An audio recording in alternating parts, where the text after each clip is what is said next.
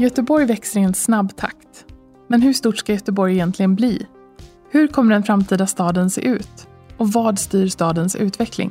Det här är podden för dig som är intresserad av stadsutveckling i stort och smått. Podden produceras av Göteborgs stad. Programledare är stadsarkitekt Björn Sisjö.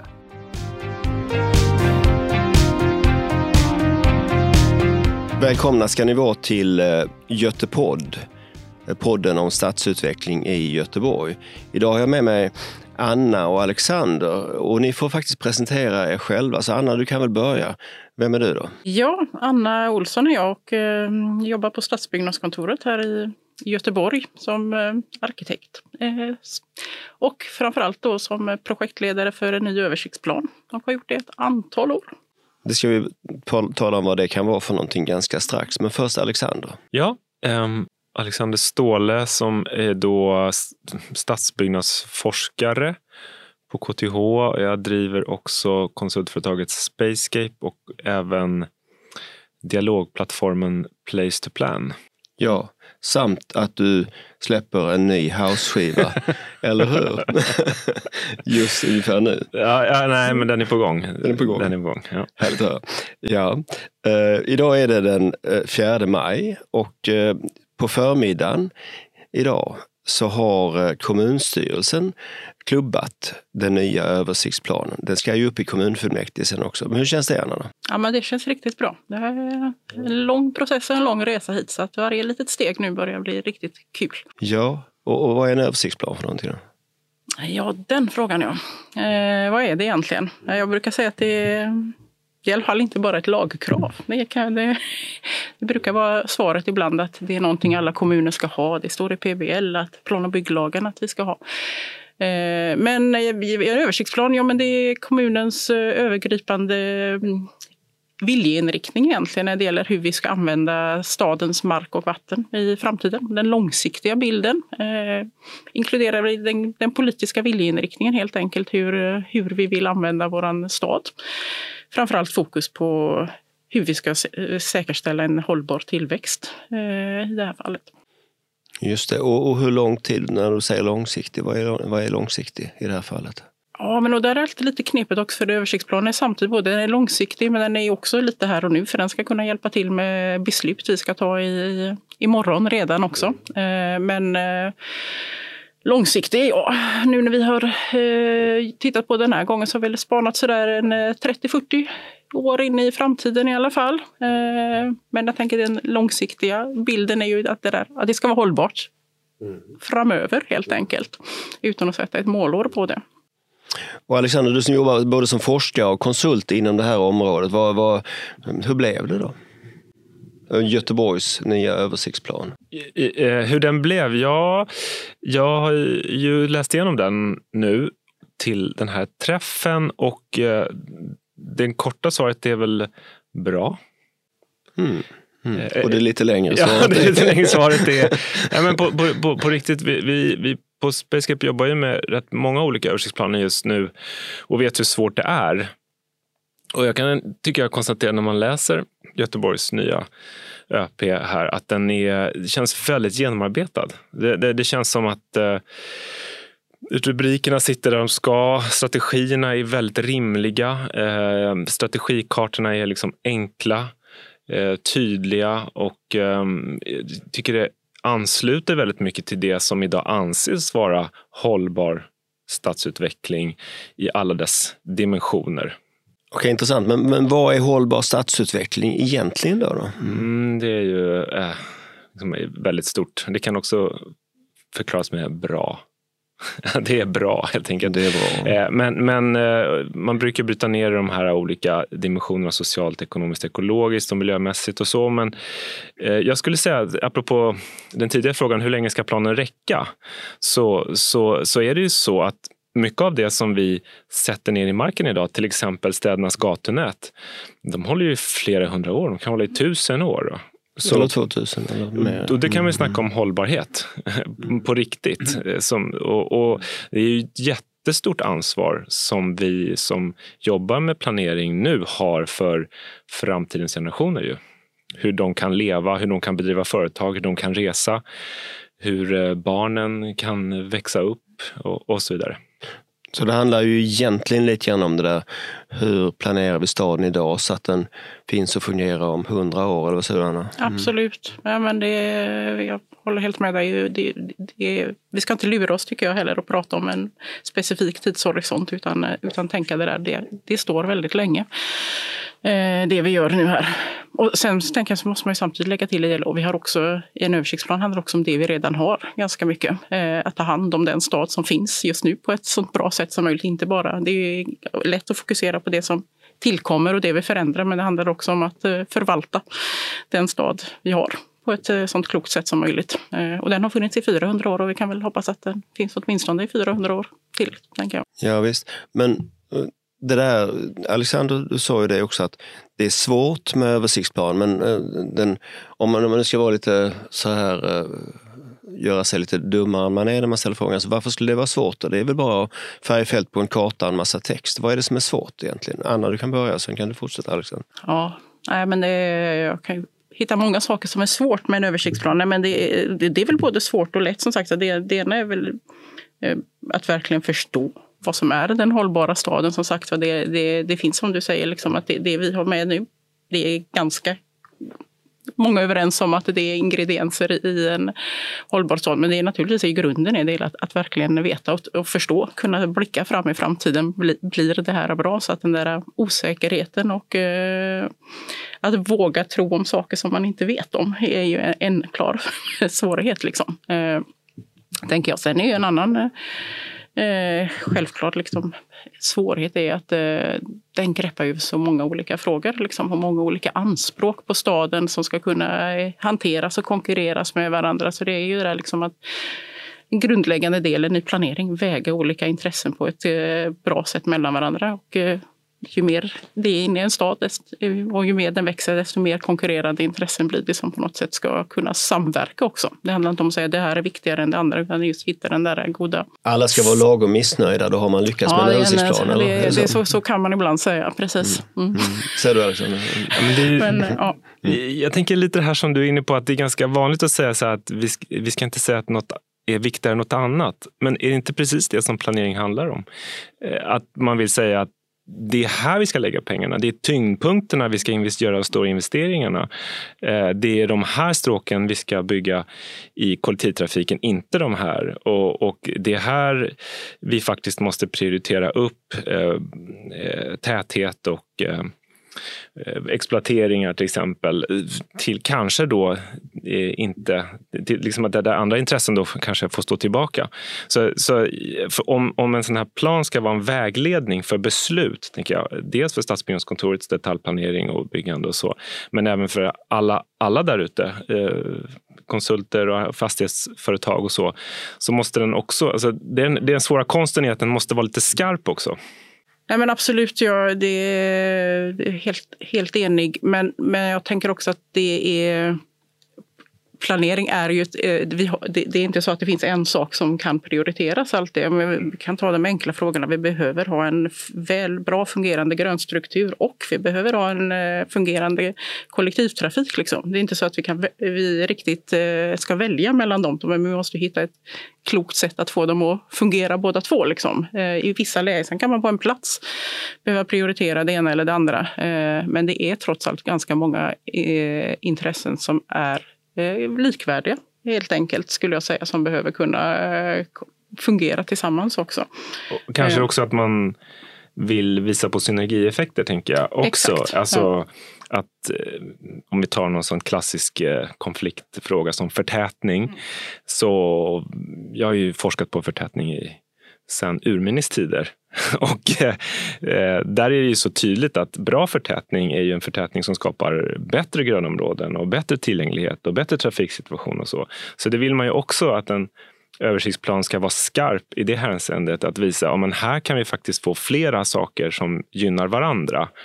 Då, ja, det är inte riktigt samma sak som att säga att alla intressen är lika viktiga nej, utan, nej, utan att säga att de här intressena, intressena är viktiga och de kan samverka för att skapa en levande stad. För det, det, är väl så också, det, det är ju intressant det där med förtätning, densitet i staden och sånt. För att har man en väldigt gles stad då, då går ju lite extra mark åt också till, till asfalt för, för att det är svårt att ha en bra kollektivtrafik. Så att, det, är väl det, det är väl där vi är i Göteborg lite grann nu, eller hur Anna? Där, att vi har ju en, en stad som vi inser att den kommer inte fungera i hundra år. Och så ska vi försöka ändra på den och det tar ju förtvivlat lång tid ibland också. Västlänken som är färdig 2026, ja, den har, 2026 kommer vi hålla på 20 år med den. Så att det, det, det är långa spann för att förändra en stad. Eh, så att idag måste man ju också planera för vad som händer om fem år, om tio, men även kanske titta på 30 och 50 års perspektivet. Va?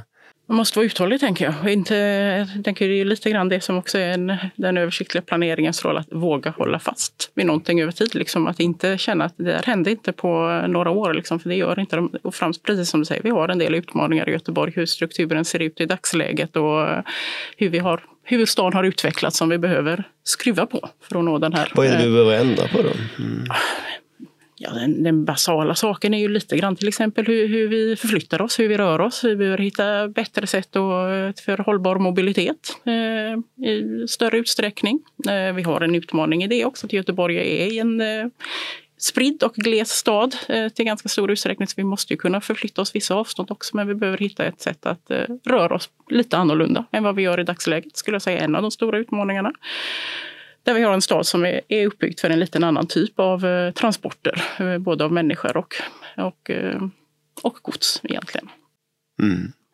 Men, eh, och det är väl också när du säger uthållighet, ja, man, man ska hålla på i decennier och, och, och, böja på det tills, det tills det kommer i rätt riktning. Alexander, om du tänker, vad, vad, är Göteborg idag? Vad är det som är fel med Göteborg idag? Då? Mm. Um, där är ju Göteborg unikt. Men också, Nej, men också är Göteborg väldigt lik många andra eh, städer. Alltså, vi kan ju se det att väldigt många tätorter här i Sverige har väldigt likartade utmaningar, inte minst när det gäller mobilitetsfrågan som vi tar upp här. Eh, vi håller på med en stor studie nu om barn och barnvänlighet eh, som vi eh, kommer att släppa alldeles strax. Där vi kan konstatera då, vi tittar på, bara på statistiken, var bor det mest barn per kvadratmeter i svenska tätorter? Ja, och var är det då? Ja. Eh, det är faktiskt, det ska, kanske man inte skulle kunna tro, men det är i våra innerstäder, i våra stadskärnor. Olivedal är Sveriges tredje barntätaste stadsdel. Då pratar vi små barn? Eh, nej, mellan 0 till 19 i det här fallet. Och det är innerstäderna och det är miljonprogrammen. Så det är intressant att miljonprogrammen och, stads, eh, eh, och stadskärnorna har liksom samma intressanta utgångspunkt. Väldigt mycket bon, barn bor på liten yta. Eh, men vad är då problemet? Jo, men här har ju alla tätorter skulle jag säga i Sverige samma utmaningen att i våra innerstäder så har vi väldigt mycket trafik och bilar på gatorna som av barn och barnfamiljer upplevs som stort, ett väldigt stort problem. Eh, och sen har vi Eh, i, i, när det gäller miljonprogrammen så har vi visst den, en, en ganska så barnvänlig utformning med trafikseparering och mycket grönområden och så. Men vi har ju en, en, en utmaning, utmaning med tryggheten då som man eh, beskriver i, när vi frågar barn och barnfamiljer. Eh, så att, så att jag, jag, tror att barn kan vara en ganska bra eh, start på en diskussion. Liksom. Att, eh, har vi en bra miljö, stadsmiljö för barnen så, så det är en grundförutsättning för hållbarhet. skulle jag säga. Och, och, men jag, jag, jag hör här att det har vi inte då. Att väldigt många barn i Göteborg bor i miljöer som har utmaningar för barnfamiljer och för barnen själva. Vad säger du om det Anna? Liksom, vad gör vi åt det då? Mm, mm. Nej, men så är det. Det är ju lite intressant. Vi har ju faktiskt just, just en av de fokus, fokus eh, grupperna vi har haft lite dialog med och så har ju varit barn i det här arbetet med översiktsplanen också lite grann för att sätta tummen också på barns egna syn på staden. Eh, eh, vad det är som eh, som saknas kan man väl säga. Eh, hade inte riktigt med mig den bilden om att det är så att eh, Olivedal numera är det så. Eh, där det bor flest barn också, så vi kanske inte ska vi helt ärligt så kanske vi inte riktigt har belyst den just innerstadsproblematiken eh, med i relation till barn. Eh, men det vi har sett i övrigt är ju liksom det man kanske saknar i väldigt många av våra miljöer är ju platser helt enkelt. Eh, I det offentliga rummet i väldigt stor utsträckning utifrån ett barnperspektiv. Eh, olika typer av platser att mötas, göra saker, träffas och röra sig tryggt på naturligtvis. Då. Alexander säger ju här att funkar det för barn så funkar det för alla. Är det så? Nej, men det kan nog stämma kanske. Man brukar ju vända på det ibland och säga också att det även... Där är, det där Mm. är, jag tycker det är en svår grej. För man kan inte, vi vet ju också att lägger man för stor vikt för att det ska vara bara vara barnvänligt så kan man tappa andra saker. Och det är ju miljonprogrammet ett bevis för. Där man hade väldigt mycket barnfokus när man utformade miljonprogrammen men man tappade andra kvaliteter. Det, det är ju nog ganska allmänt känt eh, just nu. Men, men det, det är en ganska, på det som du tar upp här, det är ju en väldigt fascinerande tanke att för 150 år sedan så fanns inga lekplatser. Därför att då lekte barn på gatorna. Och, och, och, idag kan vi liksom inte ens tänka oss det, att barn ska kunna leka på gatorna. Men det gjorde man för 150 år sedan och därför behövdes det inga lekplatser. Eh, Och då har vi liksom med, vår, med stadsplaneringen har vi skapat de här parkerna och lekplatserna som ett slags substitut för, för, de, ja, för de miljöerna som vi förlorade. Eh, Och frågan är, som, kan vi ta tillbaka gatan? Det tycker jag är, en spännande Ja, tanke. för innan var hela det offentliga rummet så att Exakt. säga barnens. Mm. Exakt, Mm. exakt. Men, men det, det är ju intressant liksom hur, hur, eh, hur gör vi det då? Kan vi göra det? Går det? Absolut. Det går jättebra. ja, men det, det, det, Fram med receptet nu. Ja, nej, men faktum är att ett annat projekt då, som, som vi jobbar med och har jobbat i flera år på Spacescape är något som heter Smarta gator som är Vinnova finansierat där numera Göteborg är med eh, i, i det här och ska bygga eh, två testgator här eh, framöver nästa år. Eh, men det som är är liksom, kärnan med det projektet är att visa att det händer. Eh, det, dels så ska vi, ska vi ju, ge ut en designguide för smarta gator som kommer här i juni där, man ska, där kommunerna ska få hjälp med just eh, omvandlingen av sina gator. Men vi har gjort, också gjort omvärldsspaningar där vi kan se att, att det här är inte bara en svensk diskussion utan det pågår över hela världen, alltså i Paris, Barcelona, London, eh, Amsterdam, Oslo, Köpenhamn, Helsingfors. Alltså alla stora städer idag ser över sina gatumiljöer och försöker omvandla dem på olika sätt. Eh, och eh, nu fick jag höra nyligen här att både Paris och Barcelona har alltså planer att bygga 150 stycken skolgator nästa år. Alltså 150 stycken gator som man ska göra om kring just skolorna. Ja, ja, precis. För det är ju det är också sånt där lite grist problem det här. Eh, vi har ju, vi har ju väldigt höga ambitioner runt eh, förskolor och skolgårdar i Sverige och, och, och som kanske ibland gör att eh, man konstaterar att vi kan inte bygga några för, förskolor i centrala delar av staden för att de, de tar så oändligt mycket plats om vi ska hålla den, den höga standarden som man vill ha. Vad, vad, vad, vad tänker du om det hur har man tänkt i översiktsplanen runt sådana frågor? Nej, men det är ju, jag tänker det är också ett eh, högst re, reell fråga. Vi, hanterar mm. hanterar eh, hela tiden lite grann det där och, eh, och som lite grann hamnar i diskussionen då, då är det intressant att tänka på det här lite andra sättet tänker jag. Eh, att det är en begränsning i att låta, låta den befintliga stan växa egentligen. Eh, att vi får inte plats med eh, barn utifrån att vi inte får plats med förskolor, skolor och de ytkraven vi har. Och det är ju lite grann tillbaka till det här att vi, vi förväntar oss att ha lekplatserna eller eh, förskolegårdarna eller något sånt där och, och alla och andra miljöer kan vi inte kanske röra oss på på samma sätt. Så, eh, samtidigt är det ju det är ju den stan vi har just, just nu, så just nu är det svårt att... Eh, Men fast det, är- Att- det är att inte det du håller på med när du Nej, gör översiktsplan och pratar om den stad vi har just nu. Så Utan att, du ska ju eh, prata om den staden som vi inte har just nu, eller ja, det så var det ju. Precis, jag skulle ju titta fram i bubblan, ja, precis. Inte problematisera i nuläget. Nej. Eh, nej, men jag tänker, där har ju ja, vi, vi i stan på olika sätt i alla fall försökt titta på olika hur, hur man kan hitta de här fri, friytebehovet på lite olika sätt i de mer täta delarna av stan också. Men, eh, men jag tillåter mig ändå säga att det, det, är, en, eh, det är en knepig eh, väg Men då säger att- Alexander, att vi kan knycka några gator göra skolgårdar av. Eh, Vad säger du om det då? Mm. Jo, men då behöver vi göra någonting åt gatorna först. Mm. Som sagt. Då. Ja.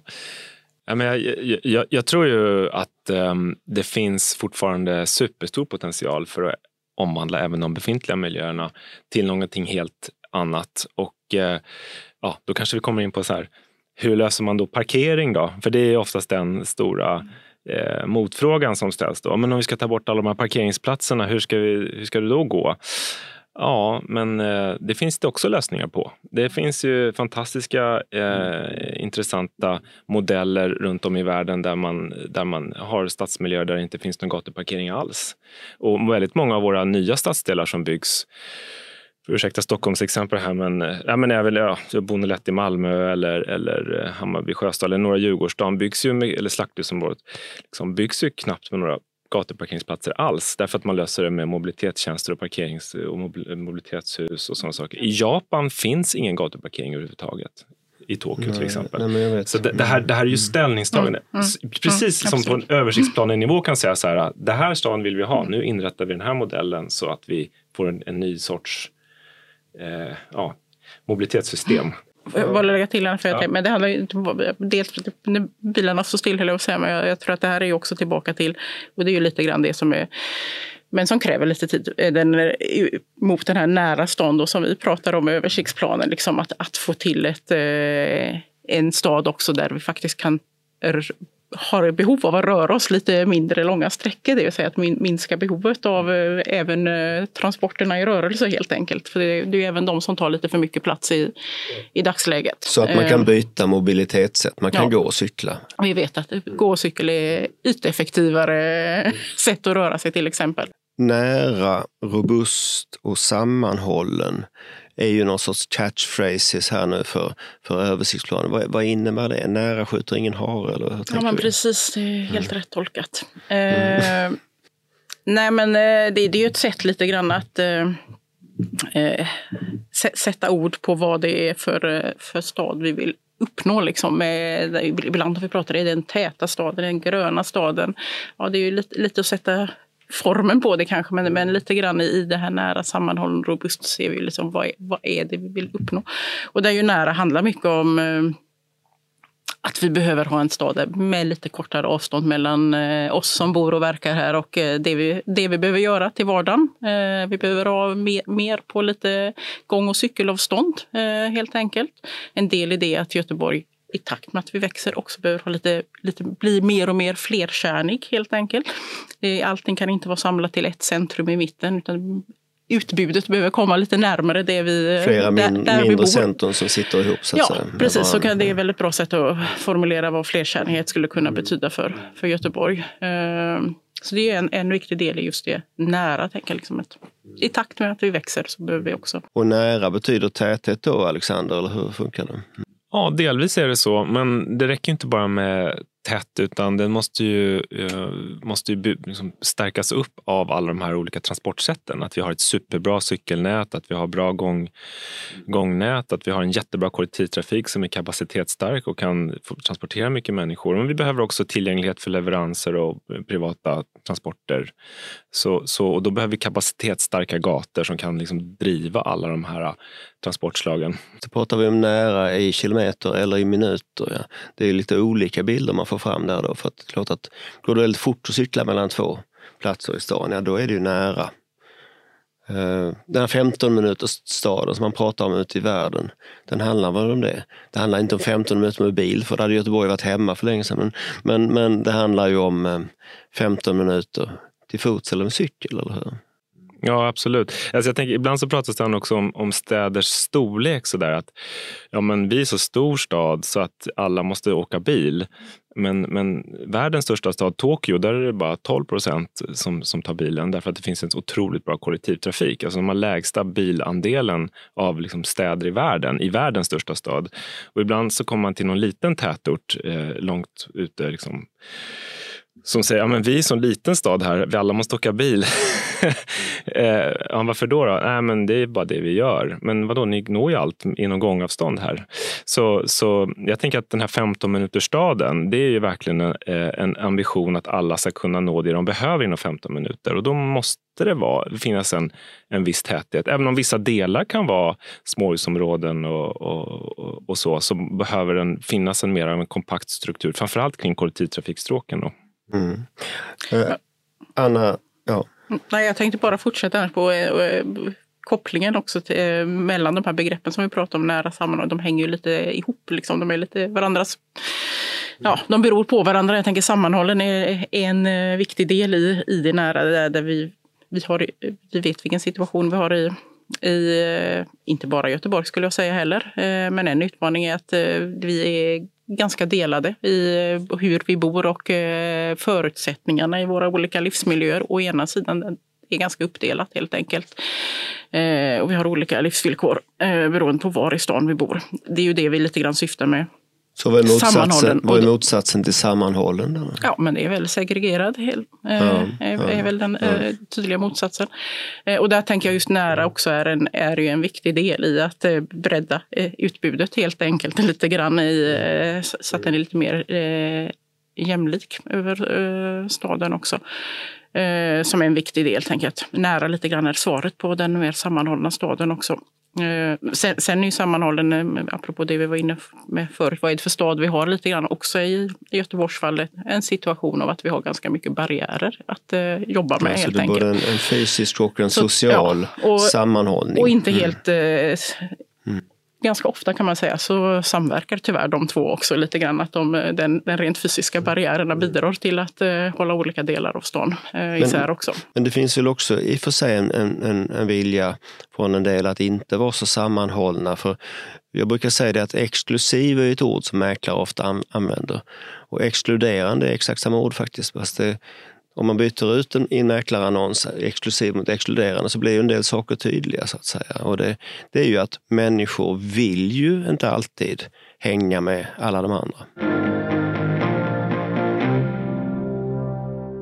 Ett sätt att tänka på det där just med segregationens eh, drivkrafter och så kan ju vara rent identitetsmässiga som är inne på att vi, vi som bor här. Men oftast vi som bor här vill ju gärna bo kvar. Till exempel vi vill gärna att våra barn ska kunna bo kvar i samma stadsdel eller när våra föräldrar blir väldigt gamla så kanske man vill att de ska kunna bo kvar eller när vi skiljer oss. Eh, så, så då kanske det är lite bra om eh, området som man bor i, säg ett, ett, ett, ett småhusområde, faktiskt har lite lägenheter som gör att det, det, går, det går att bo kvar i, i, samma, i samma område och samtidigt som den där, de där lägenheterna kanske också skulle kunna ge ett lite bättre underlag för service så att man kan gå till affären. Och så, så det, jag tror att det, det, skulle vara, om man får sticka ut hakan här, så finns det ganska mycket mer, mervärden som skapas genom en, en varsam, eh, smart, hållbar förtätning av många av våra småhusområden i rätt läge och på, till, på rätt sätt.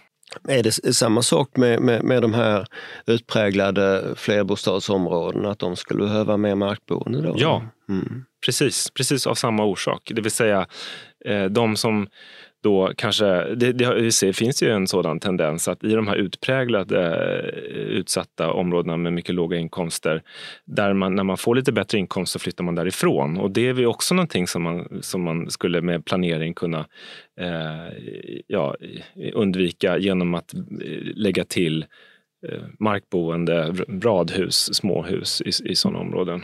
Jobbar vi på det viset med den här översiktsplanen? Jo, men det tycker jag faktiskt att just de, de bitarna har vi, trycker vi ju lite, lite grann på. Liksom att, eh, att, och det handlar ju, tänker jag, lite grann om att, eh, jag vill på att säga vad vi vill eller inte, men det handlar ju om att skapa för, förutsättningarna i, i, olika delar av stan. Det är lite grann det stadsplaneringen handlar om, att i alla fall ge förutsättningar. Du ska ha möjlighet att eh, bo kvar på ett ställe och du ska ha möjlighet att flytta till ett annat ställe om du vill. Liksom. Sen, kan, sen kan det upp till var och en om man, vem man vill bo med eller hur man vill bo, tänker jag. Eh, men att förutsättningarna finnas, så det är bland, blandade boendeformer en sån sak som kan absolut bidra till att eh, det finns en möjlighet att bo i ungefär samma geografi. Vi vet att folk flyttar ganska lokalt generellt. Eh, så man letar efter, när man gör lite fula ordet, jag säga, boendekarriär, att man, man, man vill bo kvar ändå i någon, någon sorts närhet. Sådär. Så, så det tänker jag göra. Och just i många av våra lite mera eh, ja, eh, områden med mycket flerbostadshus så jobbar vi just nu med en hel del kompletteringar av småhus till exempel. Så att ja, jag mm. skulle säga att det, Gårdsten eller Bergsjön eller flera, ja, flera sådana ställen. Precis. Och vi gör motsatsen också i Hovås. Även, så bygger, jag tänkte säga, vi, bygger vi kan, ja, flerbostadshus. Bra exempel. Tusen lägenheter. Absolut. Mm, mm. Eh, så jag tänker det är absolut, och det kan man väl se fler av. Sen, sen ska man inte luras och tro att det är svaret på alla omflyttningar heller. Liksom, mm. För det man ska alltid skilja på vad som är nybyggnation och Nej, det finns en massa orsaker. Men vi jobbar ju eh, mest med den fysiska verkligheten, mm. vi som jobbar på Stadsbyggnadskontoret och gör översiktsplaner mm. eller vad vi gör. Eh, Men, men den tredje där, robust. Mm. Ja, men och den är väl ganska viktig. Den är ju en liten del, tänker jag, i den här den är också en liten, ibland brukar jag säga lite, lite fris, friskrivning från det vi inte har koll på, det som vi inte kan planera eller sådär lite grann. Lite mm. motsägelse på en något sätt. Mm. Ja, men lite, lite brasklappen höll jag på att säga. Nej, men jag, och jag tror verkligen det är någonting vi måste bli väldigt mycket bättre på. Det är att våga planera för det vi vi inte riktigt vet. Liksom, för det är, hur ska jag säga, eh, och i det ha en robusthet, resiliens är ett ord man kan använda för ungefär samma sak. Liksom, att klara av förändringar i omvärlden. Klimatfrågan är ett exempel naturligtvis, som, eh, där vi inte riktigt vet vad tusan som händer framöver.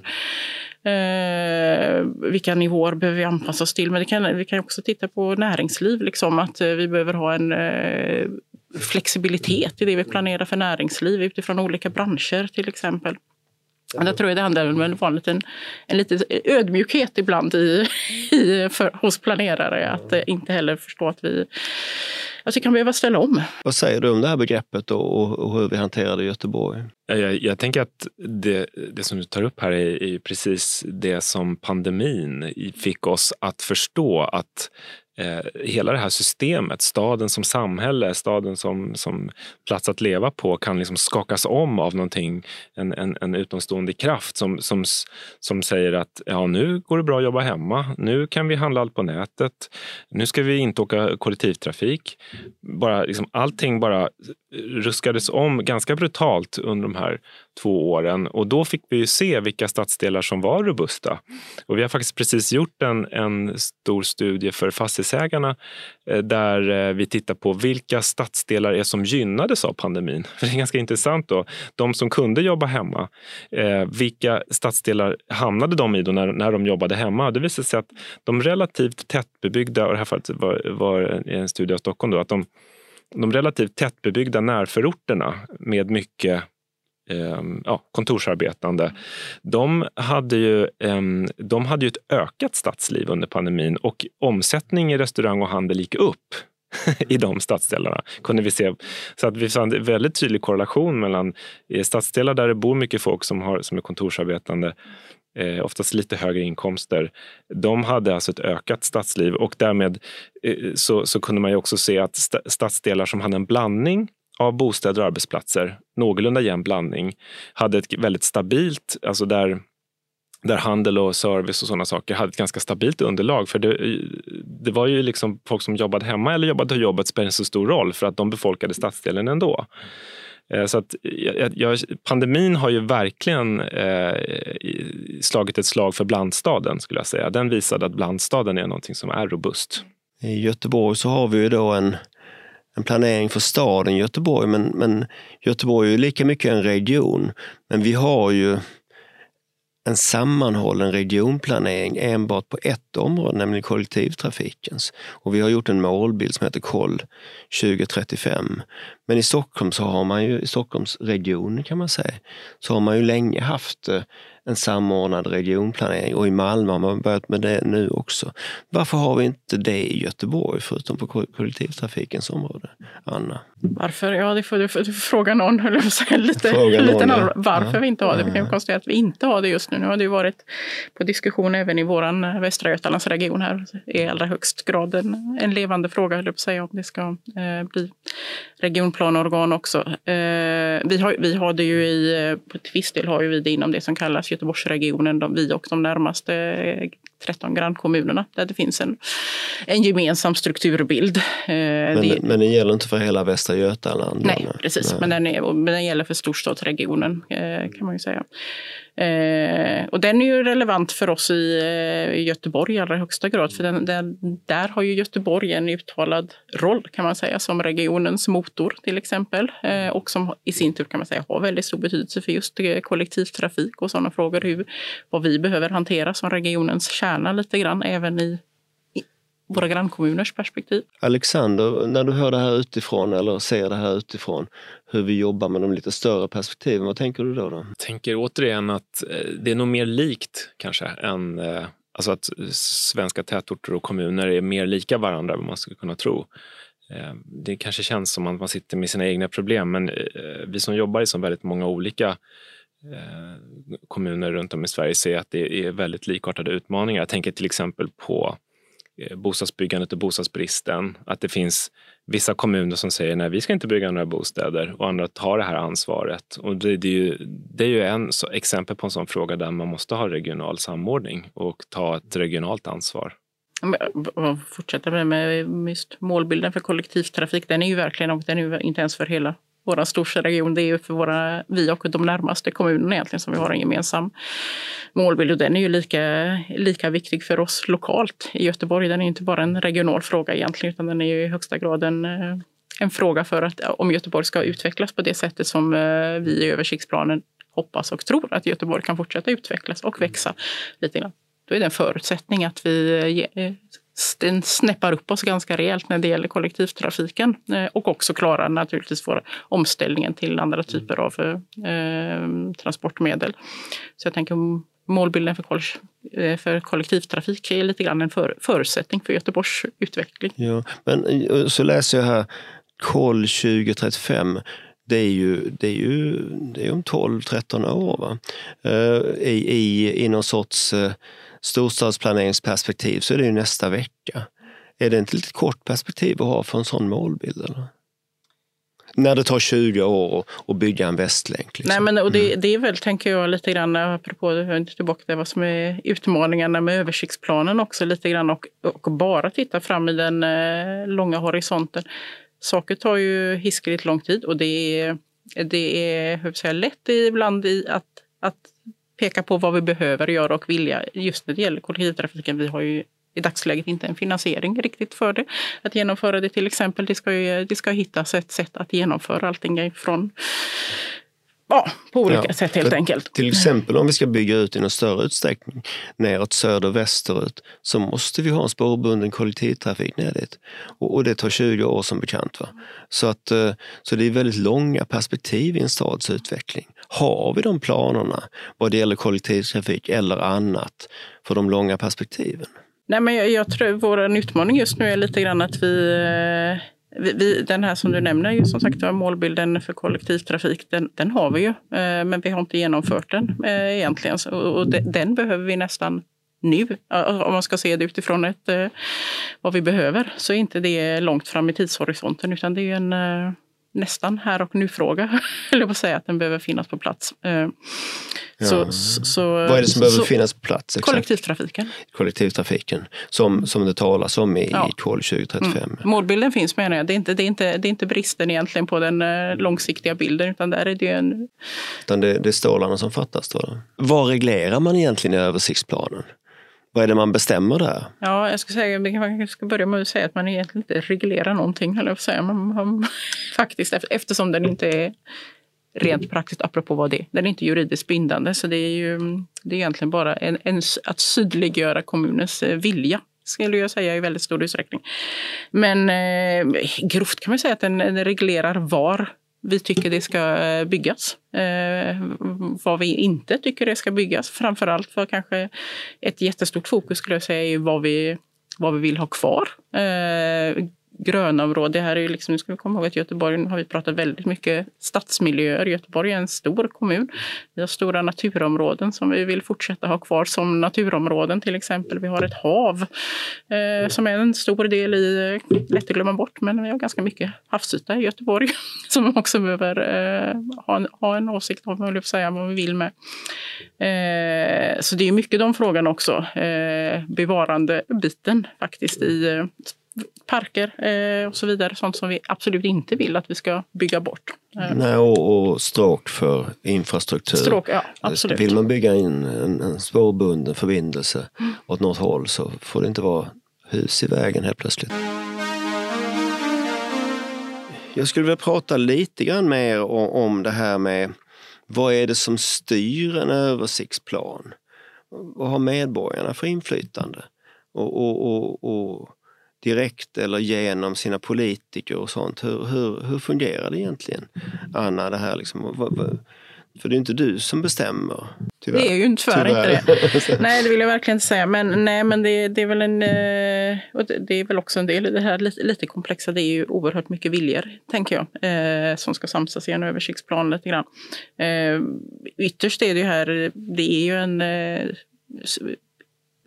ska visa den eh, rådande politikens viljeinriktning helt enkelt. Och det är ju lite viktigt att komma ihåg det, eh, tänker jag. Så att det, i framtagandet av en översiktsplan har det ju varit mycket, mycket dialog och mycket lyssnande på vad, eh, vad våra politiker vill i det här. Och vi har, vi har ju bland annat ändrat en del saker utifrån tydliga medskick från, eh, från våra eh, politiker i hur man vill utveckla staden. Så, eh, så, så det, och det tänker jag det finns en, ibland också en liten eh, utmaning i det långsiktiga och det, det vi vill här och nu eh, för, för oss som gör jobbar med översiktsplanerna.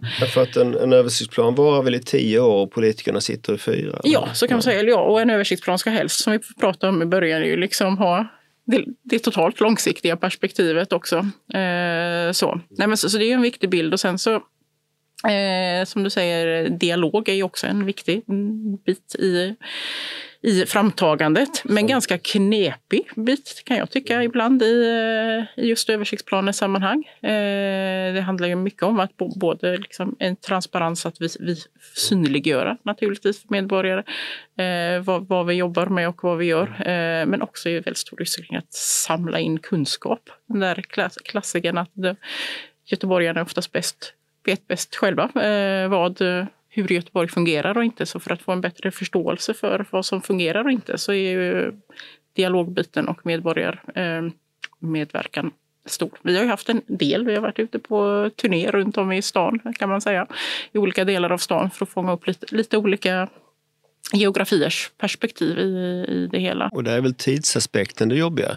Att den vanliga medborgaren kanske inte tänker som vi att om fem år det, det är ganska snart. Eh, utan de tänker att eh, om jag har en synpunkt så vill jag att den ska bli lyssnad på och implementerad inom en månad ungefär. Och det händer ju inte i de här långa processerna. Vad säger du Alexander runt det här med medborgarinflytande, med dialoger och samtal? Är det bra? Funkar det? Mm. Ja, men det, det är som sägs här att det är ju knepigt med översiktsplanering för att det är lite abstrakt. Eh, och det handlar om hela regionen och sådär.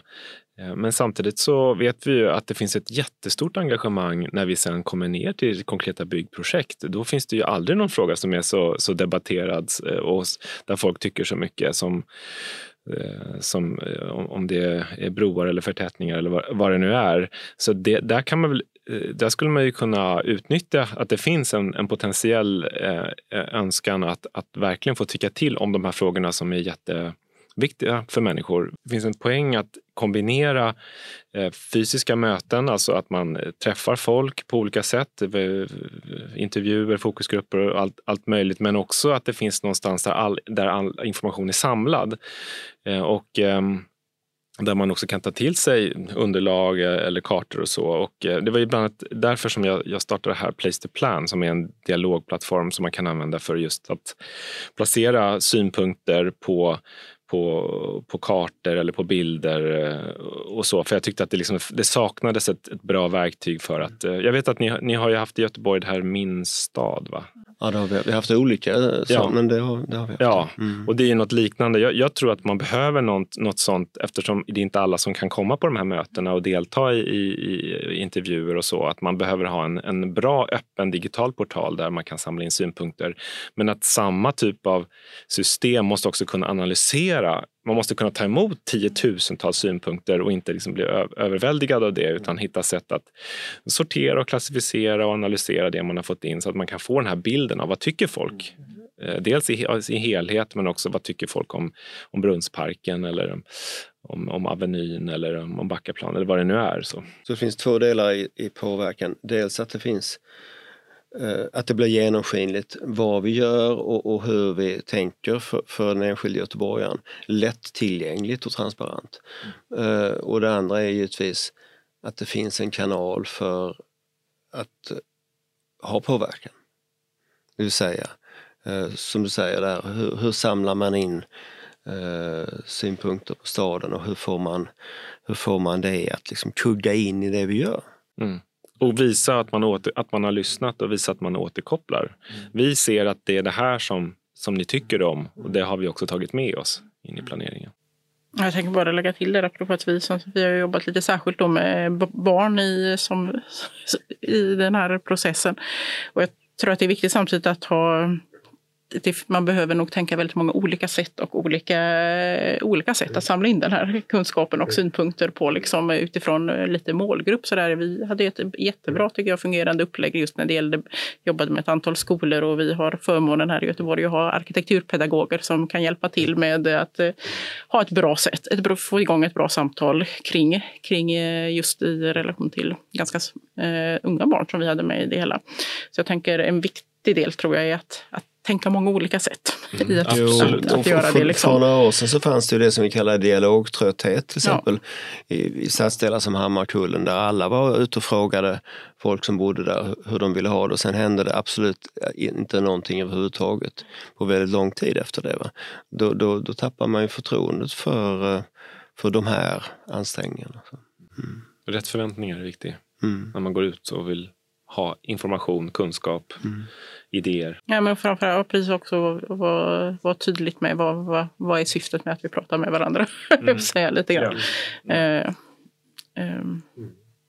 tänker jag så. Men, eh, men, men, men, även om det är knepigt håller jag med. Det har ju varit ett stort intresse. Eh, ganska så, folk är intresserade Nej, alltså, av stadsplaneringsfrågor. Det, det, är ju inget Det är väl lite som, att, som, som du säger Alexandra, att, att inte försöka vore ju tjänstefel. Alltså vi, vi, måste ju ha den dialogen. Sen är den inte alltid lättdriven och det, det, det, finns vissa grupper som det alltid är svårare att nå ut till så att säga. För att, ja, för att det är svårare helt enkelt. Ska, ska vi nöja oss där och säga att det eh, är fantastiskt roligt att, att ha det här samtalet. Så jag, jag, jag är väldigt nöjd och glad med det här och tackar er för att ni kom. Anna och Alexander. Du har hört ett avsnitt av Götepodd som produceras av Göteborgs stad. Redaktörer är Ann Bergermark Rintala och Peter Wanding. Samt redigering Josef Bosir. Läs mer om Göteborgs stadsutveckling på www.stadsutveckling.goteborg.se